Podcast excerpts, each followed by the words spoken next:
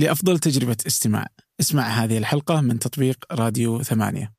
وتقدر تسمعها بدون موسيقى لو تحب.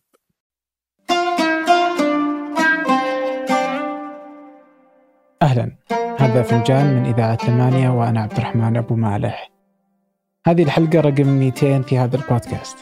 عندي ضيف آه، بقدمه بعد شوي لكن قبلها ودي أعطيكم تحديث عن فنجان اليوم. اليوم فنجان هو البودكاست الأكثر انتشارا عربيا.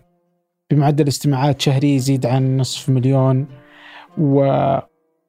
والحقيقة إني ما وصلت لهذا إلا بفريق رائع. واجتهادات ومحاولات دؤوبة من الفريق ومني شخصيا في التطوير والتحسن. وضيوفي كذلك.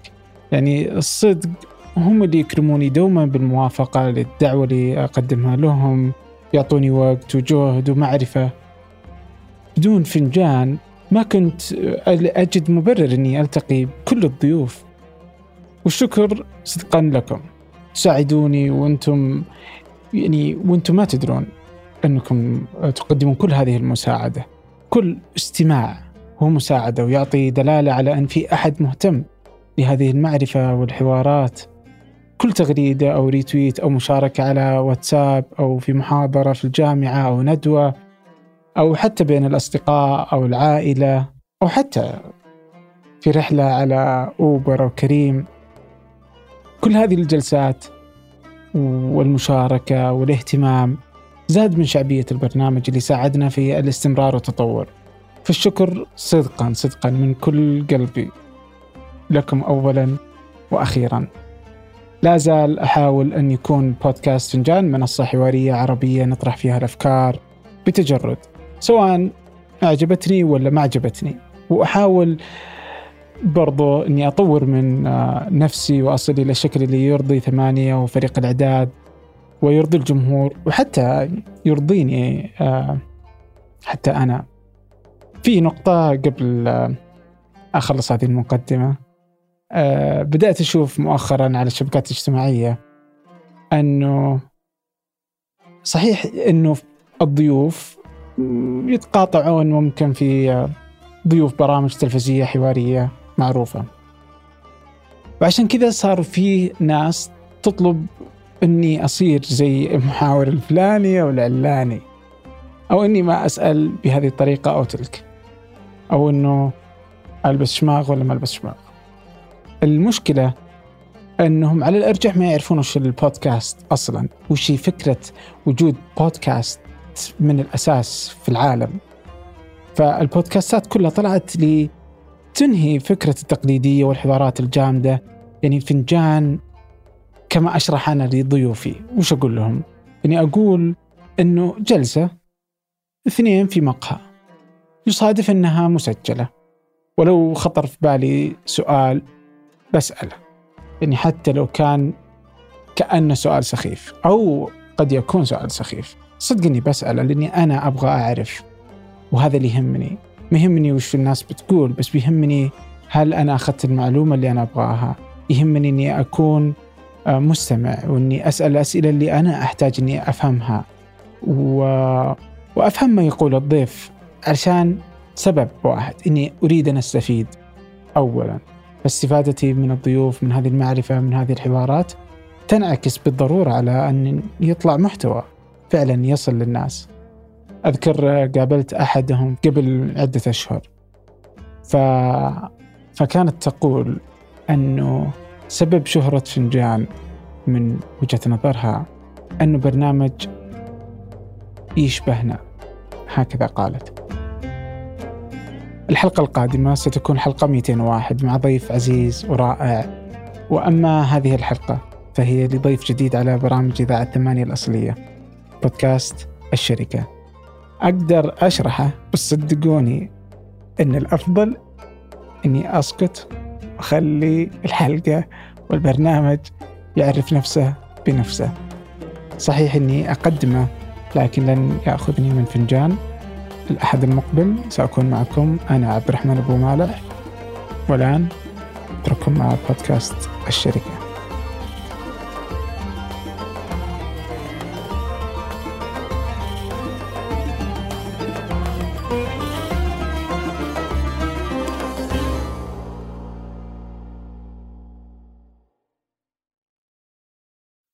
وأنا أقرأ كتاب ركوب رحلة العمر لروبرت آيجر الرئيس التنفيذي لديزني. يقول كنت رافض كتابة هذا الكتاب. ليه؟ يجيب كنت أشك أني أقول كلام لم أستطع فعله. تخيل. يتردد روبرت كتابة كتاب يوثق مسيرته اللي رأس ديزني لأكثر من 45 سنة. أدار فريق عدده يتجاوز 200 ألف موظف. أنجز استحواذات رائعة يعني على بيكسار مارفل لوكس 21st Century Fox. والآن مفترض أني أصنع لكم بودكاست يحكي قصة ثمانية. شركة دوبها تجاوزت أربع سنوات. هذه الشركة أديرها وهي أول وظيفة لي. والصدق يجيني السؤال كل ما فكرت أبدأ هذا البودكاست. ليه أصلا أبغى أسوي هذا البودكاست؟ وبينما رئيس ديزني تردد كيف أنا أتجرأ وأنا خبرتي في الإدارة؟ صفر. عاد المفروض هالكلام آه، معليش اسمه هالكلام ما يطلع منك. أنت بالنهاية أنت أقصد as as از بزنس مان في بناء الشركات صفر. أنا ترى ما راح أطول بس كان ودي في بعض الأسئلة اللي الحين أنا بديت اتكلم أساس ننسق للخطوة الجاية واكتشفت إنه القوائم الماليه جابت فينا العيد صراحة. لأنه مو قوائم ماليه عبد الرحمن. بإدارة الموظفين حتى. صفر. إنه عد يعيد هيكله الذا وتخلى عن جزء من الراتب بس إنه ولا ألقى له ذاته لأن أحس نفسي صدقا والله إني حموت. حموت. فعلا أنا زي كذا. بالمال والأعمال والمحاسبة وكل ما له علاقة بالمال. صفر. قلت لك إياها يعني. إنك تمسك الكاش اللي عندك وتحاول إنك يعني شوف كيف أنا ماسك يدي. يعني مرة. أول مرة أتعامل مع محامين وأدخل محكمة كانت وأنا أدير ثمانية. الحين مفترض إني أروح أقول وأسمع وش لائحة الدعوة و... وأقول له أحتاج وقت للرد. يعني هذا المفترض إني أسويه. حتى التعامل مع أبسط الأشياء. كيف أقدر أقول لا مثلا؟ إني الحين إني أدري المفترض أقول لا بس إني ماني قادر أقول لا. زين؟ أنت قد لمحت لي بس ما لا لا إذا لمحت لك أول الحين زاد الموضوع. أوكي. يقول لا لفرص. هذا البراء العوهلي صديق ومؤسس ركودا ومهتم بتطوير نمط الحياة. جلسنا نسولف ساعات عن هذه المعضلة. وشرح قصة إيفان شينارد مؤسس واحدة من أعرق شركات الملابس الرياضية واللي أنا والبراء نتفق على حبها. باتاغونيا. يقول في ذاك الوقت أنت في في نص المعمعة ما ما تعرف. يعني يصعب عليك إنك تقول لا. أو يمكن بعد مو هو لأنه قال في القصة انه فصل some of the executives اللي طيحوه في هذه الورطة اللي كانت ممكن تقتل الشركة بسبب هذا الاتساع المضطرد اللي لا يتوقف. اللي هو تصرف طبيعي لأي شركة تبحث عن المال. الحين يا أخي تبغى فلوس يلا توسع هذه هنا هنا أقدر أشرح لك القوقعة. قوقعة. بس يبغى نقصر الصوت شوي. نرخي الصوت ولعلنا نرفعه في وقت ثاني. أقول لكم أني إنسان بطبعي عنيد وأحب أصنع أشياء تصنع التغيير أو تغير نظرتك لأشياء تتوقع أن هذا شكلها هذا شكلها الطبيعي. أذكر في كتاب الوزير المرافق الغازي القصيبي كان يقول في المقدمة في هذا الكتاب فصول تحمل انطباعاتي الشخصية عن عدد من رؤساء الدول والحكومات. يكمل فيقول وقد حرصت أن تبقى الانطباعات كما دونتها أول مرة منذ سنين طويلة. نهاية الاقتباس. تخيل أن هذه الكتب للسير الشخصية أو سير المشاريع وبناء الدول كانت تكتب وتنشر كما تحدث الأحداث والتغيرات.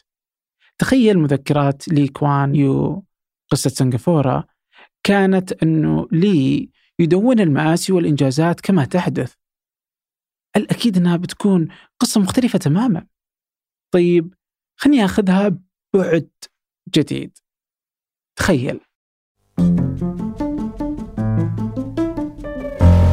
أن تلك الكتب والرحلات تلك القصص والسير كانت مسجلة الاجتماعات والتحديات المشاريع اللي نراها اليوم. كيف كانت عندما كانت مجرد فكرة؟ تواجه الصراعات هذا ما أحاول صناعته في هذا الوثائقي الصوتي. كل حلقة ستعبر عن فصل أو قصة من هذه الحكاية. الحلقة هذه هي المقدمة. مقدمة وثائقي سيرة شركة. من إذاعة ثمانية هذا بودكاست الشركة. معي أنا عبد الرحمن أبو مالح. نبدأ الرحلة لكن بعد الفاصل.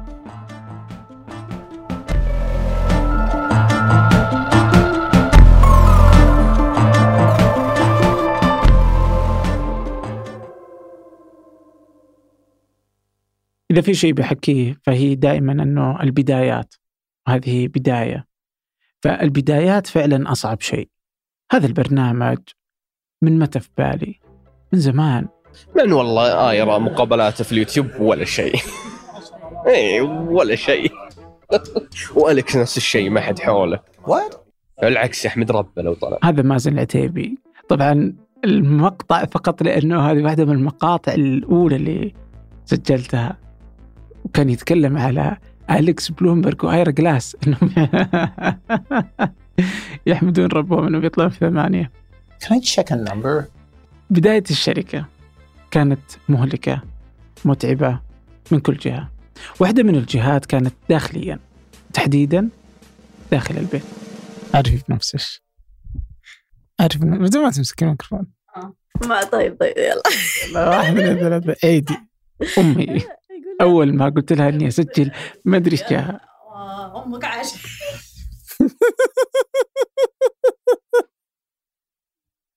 إيش جا شمرة جد جد عندي أغنية إنشودة ما أنساها وأنا باقي.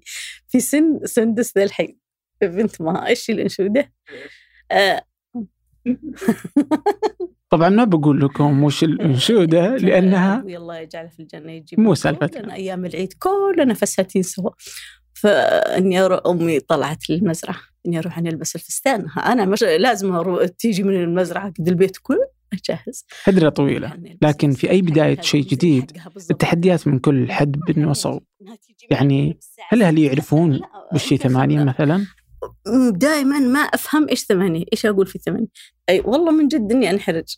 أه، أقول له أه، إيش إيش شو ثمانية إيش يعني إيش عنده في ثمانية قلت ثمانية يعني فشركة عنده أه، ثمانية آه، إذاعة ثمانية هذه تشمل شفت قناة الت- التلفزيون قناة الام بي سي زيها. شوية في أفلام شوية أخبار شوية آه، بعد أجوبة كثيرة وصلنا لإجابة أفضل. لكن حتى هذه الإجابة فيها شوية تحدي. وش حلم بي سي؟ ما فيها شفنا سعد عبد الله ولا شفنا تمثيليات ولا حياة الفهد يقولوا لي. وإذا تجاوزنا تعريف ثمانية يجي هذا السؤال. اللي هو التحدي الأكبر. يقول تيجي واحدة ق- عيوز. ما بتفهم إيش. هم إيش معه وراها؟ معه وراها رزق؟ إيش مردودها عليه؟ مع شيء ولا يا بنتي ما غير إلا ما مع شيء؟ أحس إنك أنت اللي تسألين ولا ما؟ ما حد يسأل. لا من ناحيتي أنا كأني بدأت أفهم إنه أنا فعلا قلت شكلش إنش أنت اللي تسألين.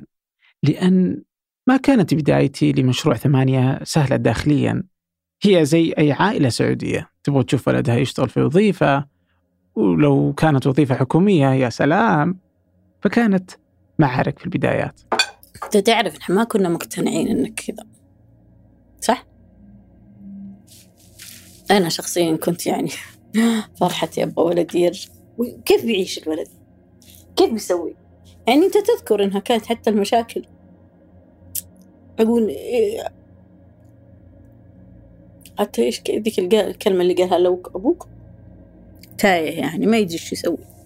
إيش بيقعد في ذا الشيء؟ إلى متى إي من جد لأني أنا كنت أحس إنك في في دوامة ما فيها واحد. الولد بيضيع بس زي ما أقول بالعادة ساعة. هذا جزء من بداية المشروع الأكبر اللي هو الشركة ثمانية. بس حتى البداية على نطاق البودكاست فكانت إني بدأت قبل أكثر من سنة أو أكثر كل مرة أقول الأسبوع الجاي الحلقة الأولى. الحلقة الأولى بداية الشهر القادم. الحلقة الأولى مم. الأسبوع الجاي. حتى أن ابتكرت اسم جديد لها. علشان أثبت للفريق أني جالس أشتغل الموضوع بشكل مختلف. صرت أسميها الحلقة صفر اي يعني مليان. هو هذا بيعمل بالبعض. يعني ما أدري بس أنا أشوف حق ثمود الحالة سكر. حق كذا ثمود الحالة كافية. مثلا حق ثمود مع حقت آه، حتى العكارس هذا. الوليد. انه إنه أنا بقول ليش؟ بس إنه ما ينفع. خلاص خليني أقفل. إذا قفل يطلع حقتك طخ طخ يمكن هذه؟ تسمعون صالح العذر هو الرئيس التشغيل في ثمانية. يضغط بكل ما أوتي من قوة أننا ننتج الحلقة وننشرها. لازم تنشر. أتوقع يعني أنا جيت حطيتك رهينة. عشان سجلت ميكروفون ابى أحاول أخلي حلقتك حلوة. بس أحاول. يعني اللي أحط يدي على حلقتك الآن. في حياتي يوقفني أشخاص أو يرسل لي أحدهم رسالة على البريد يكرمني بحسن ظنه ويطلب مني نصيحة لمشروع جديد يبدأ. ممكن تكون مقالة فكرة مشروع بودكاست أو خلافه وبالعادة أني أقول أنا ما أبغى أقول كلام كليشيه أو روسم. روسم هي العربية من كليشيه يعني بس ما تفرق واجد الحين. فأقول له هذا الكلام قد يبدو أنه مكرر أو مبتذل بس الصدق أفضل نصيحة هي أنك تبدأ. طب البحر تعلم تطور مع الوقت. الفارق الوحيد بين أي أحد نجح وآخر جالس يفكر أن الأول بدأ الثاني لسه جالس يفكر.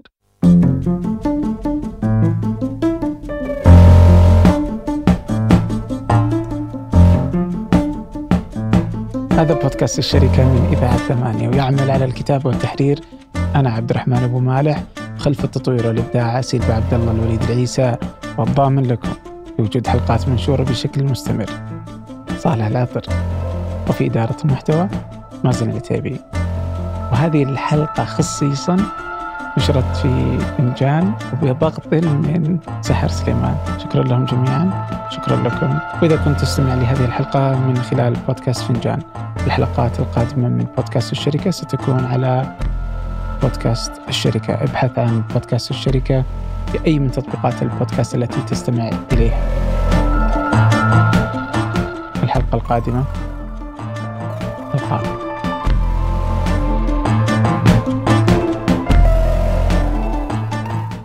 خلاص نتفق إنه أتوقع إنه مفترض كذا. إذا صار إنه هذا منتج ثمانية أنا طفيت لحظة عشان ال عشان الصوت. لأنه فوق هنا فيوجه على طول. ف المشروع سنتحمل. سننزف العرب. تفضل. اسلم فبس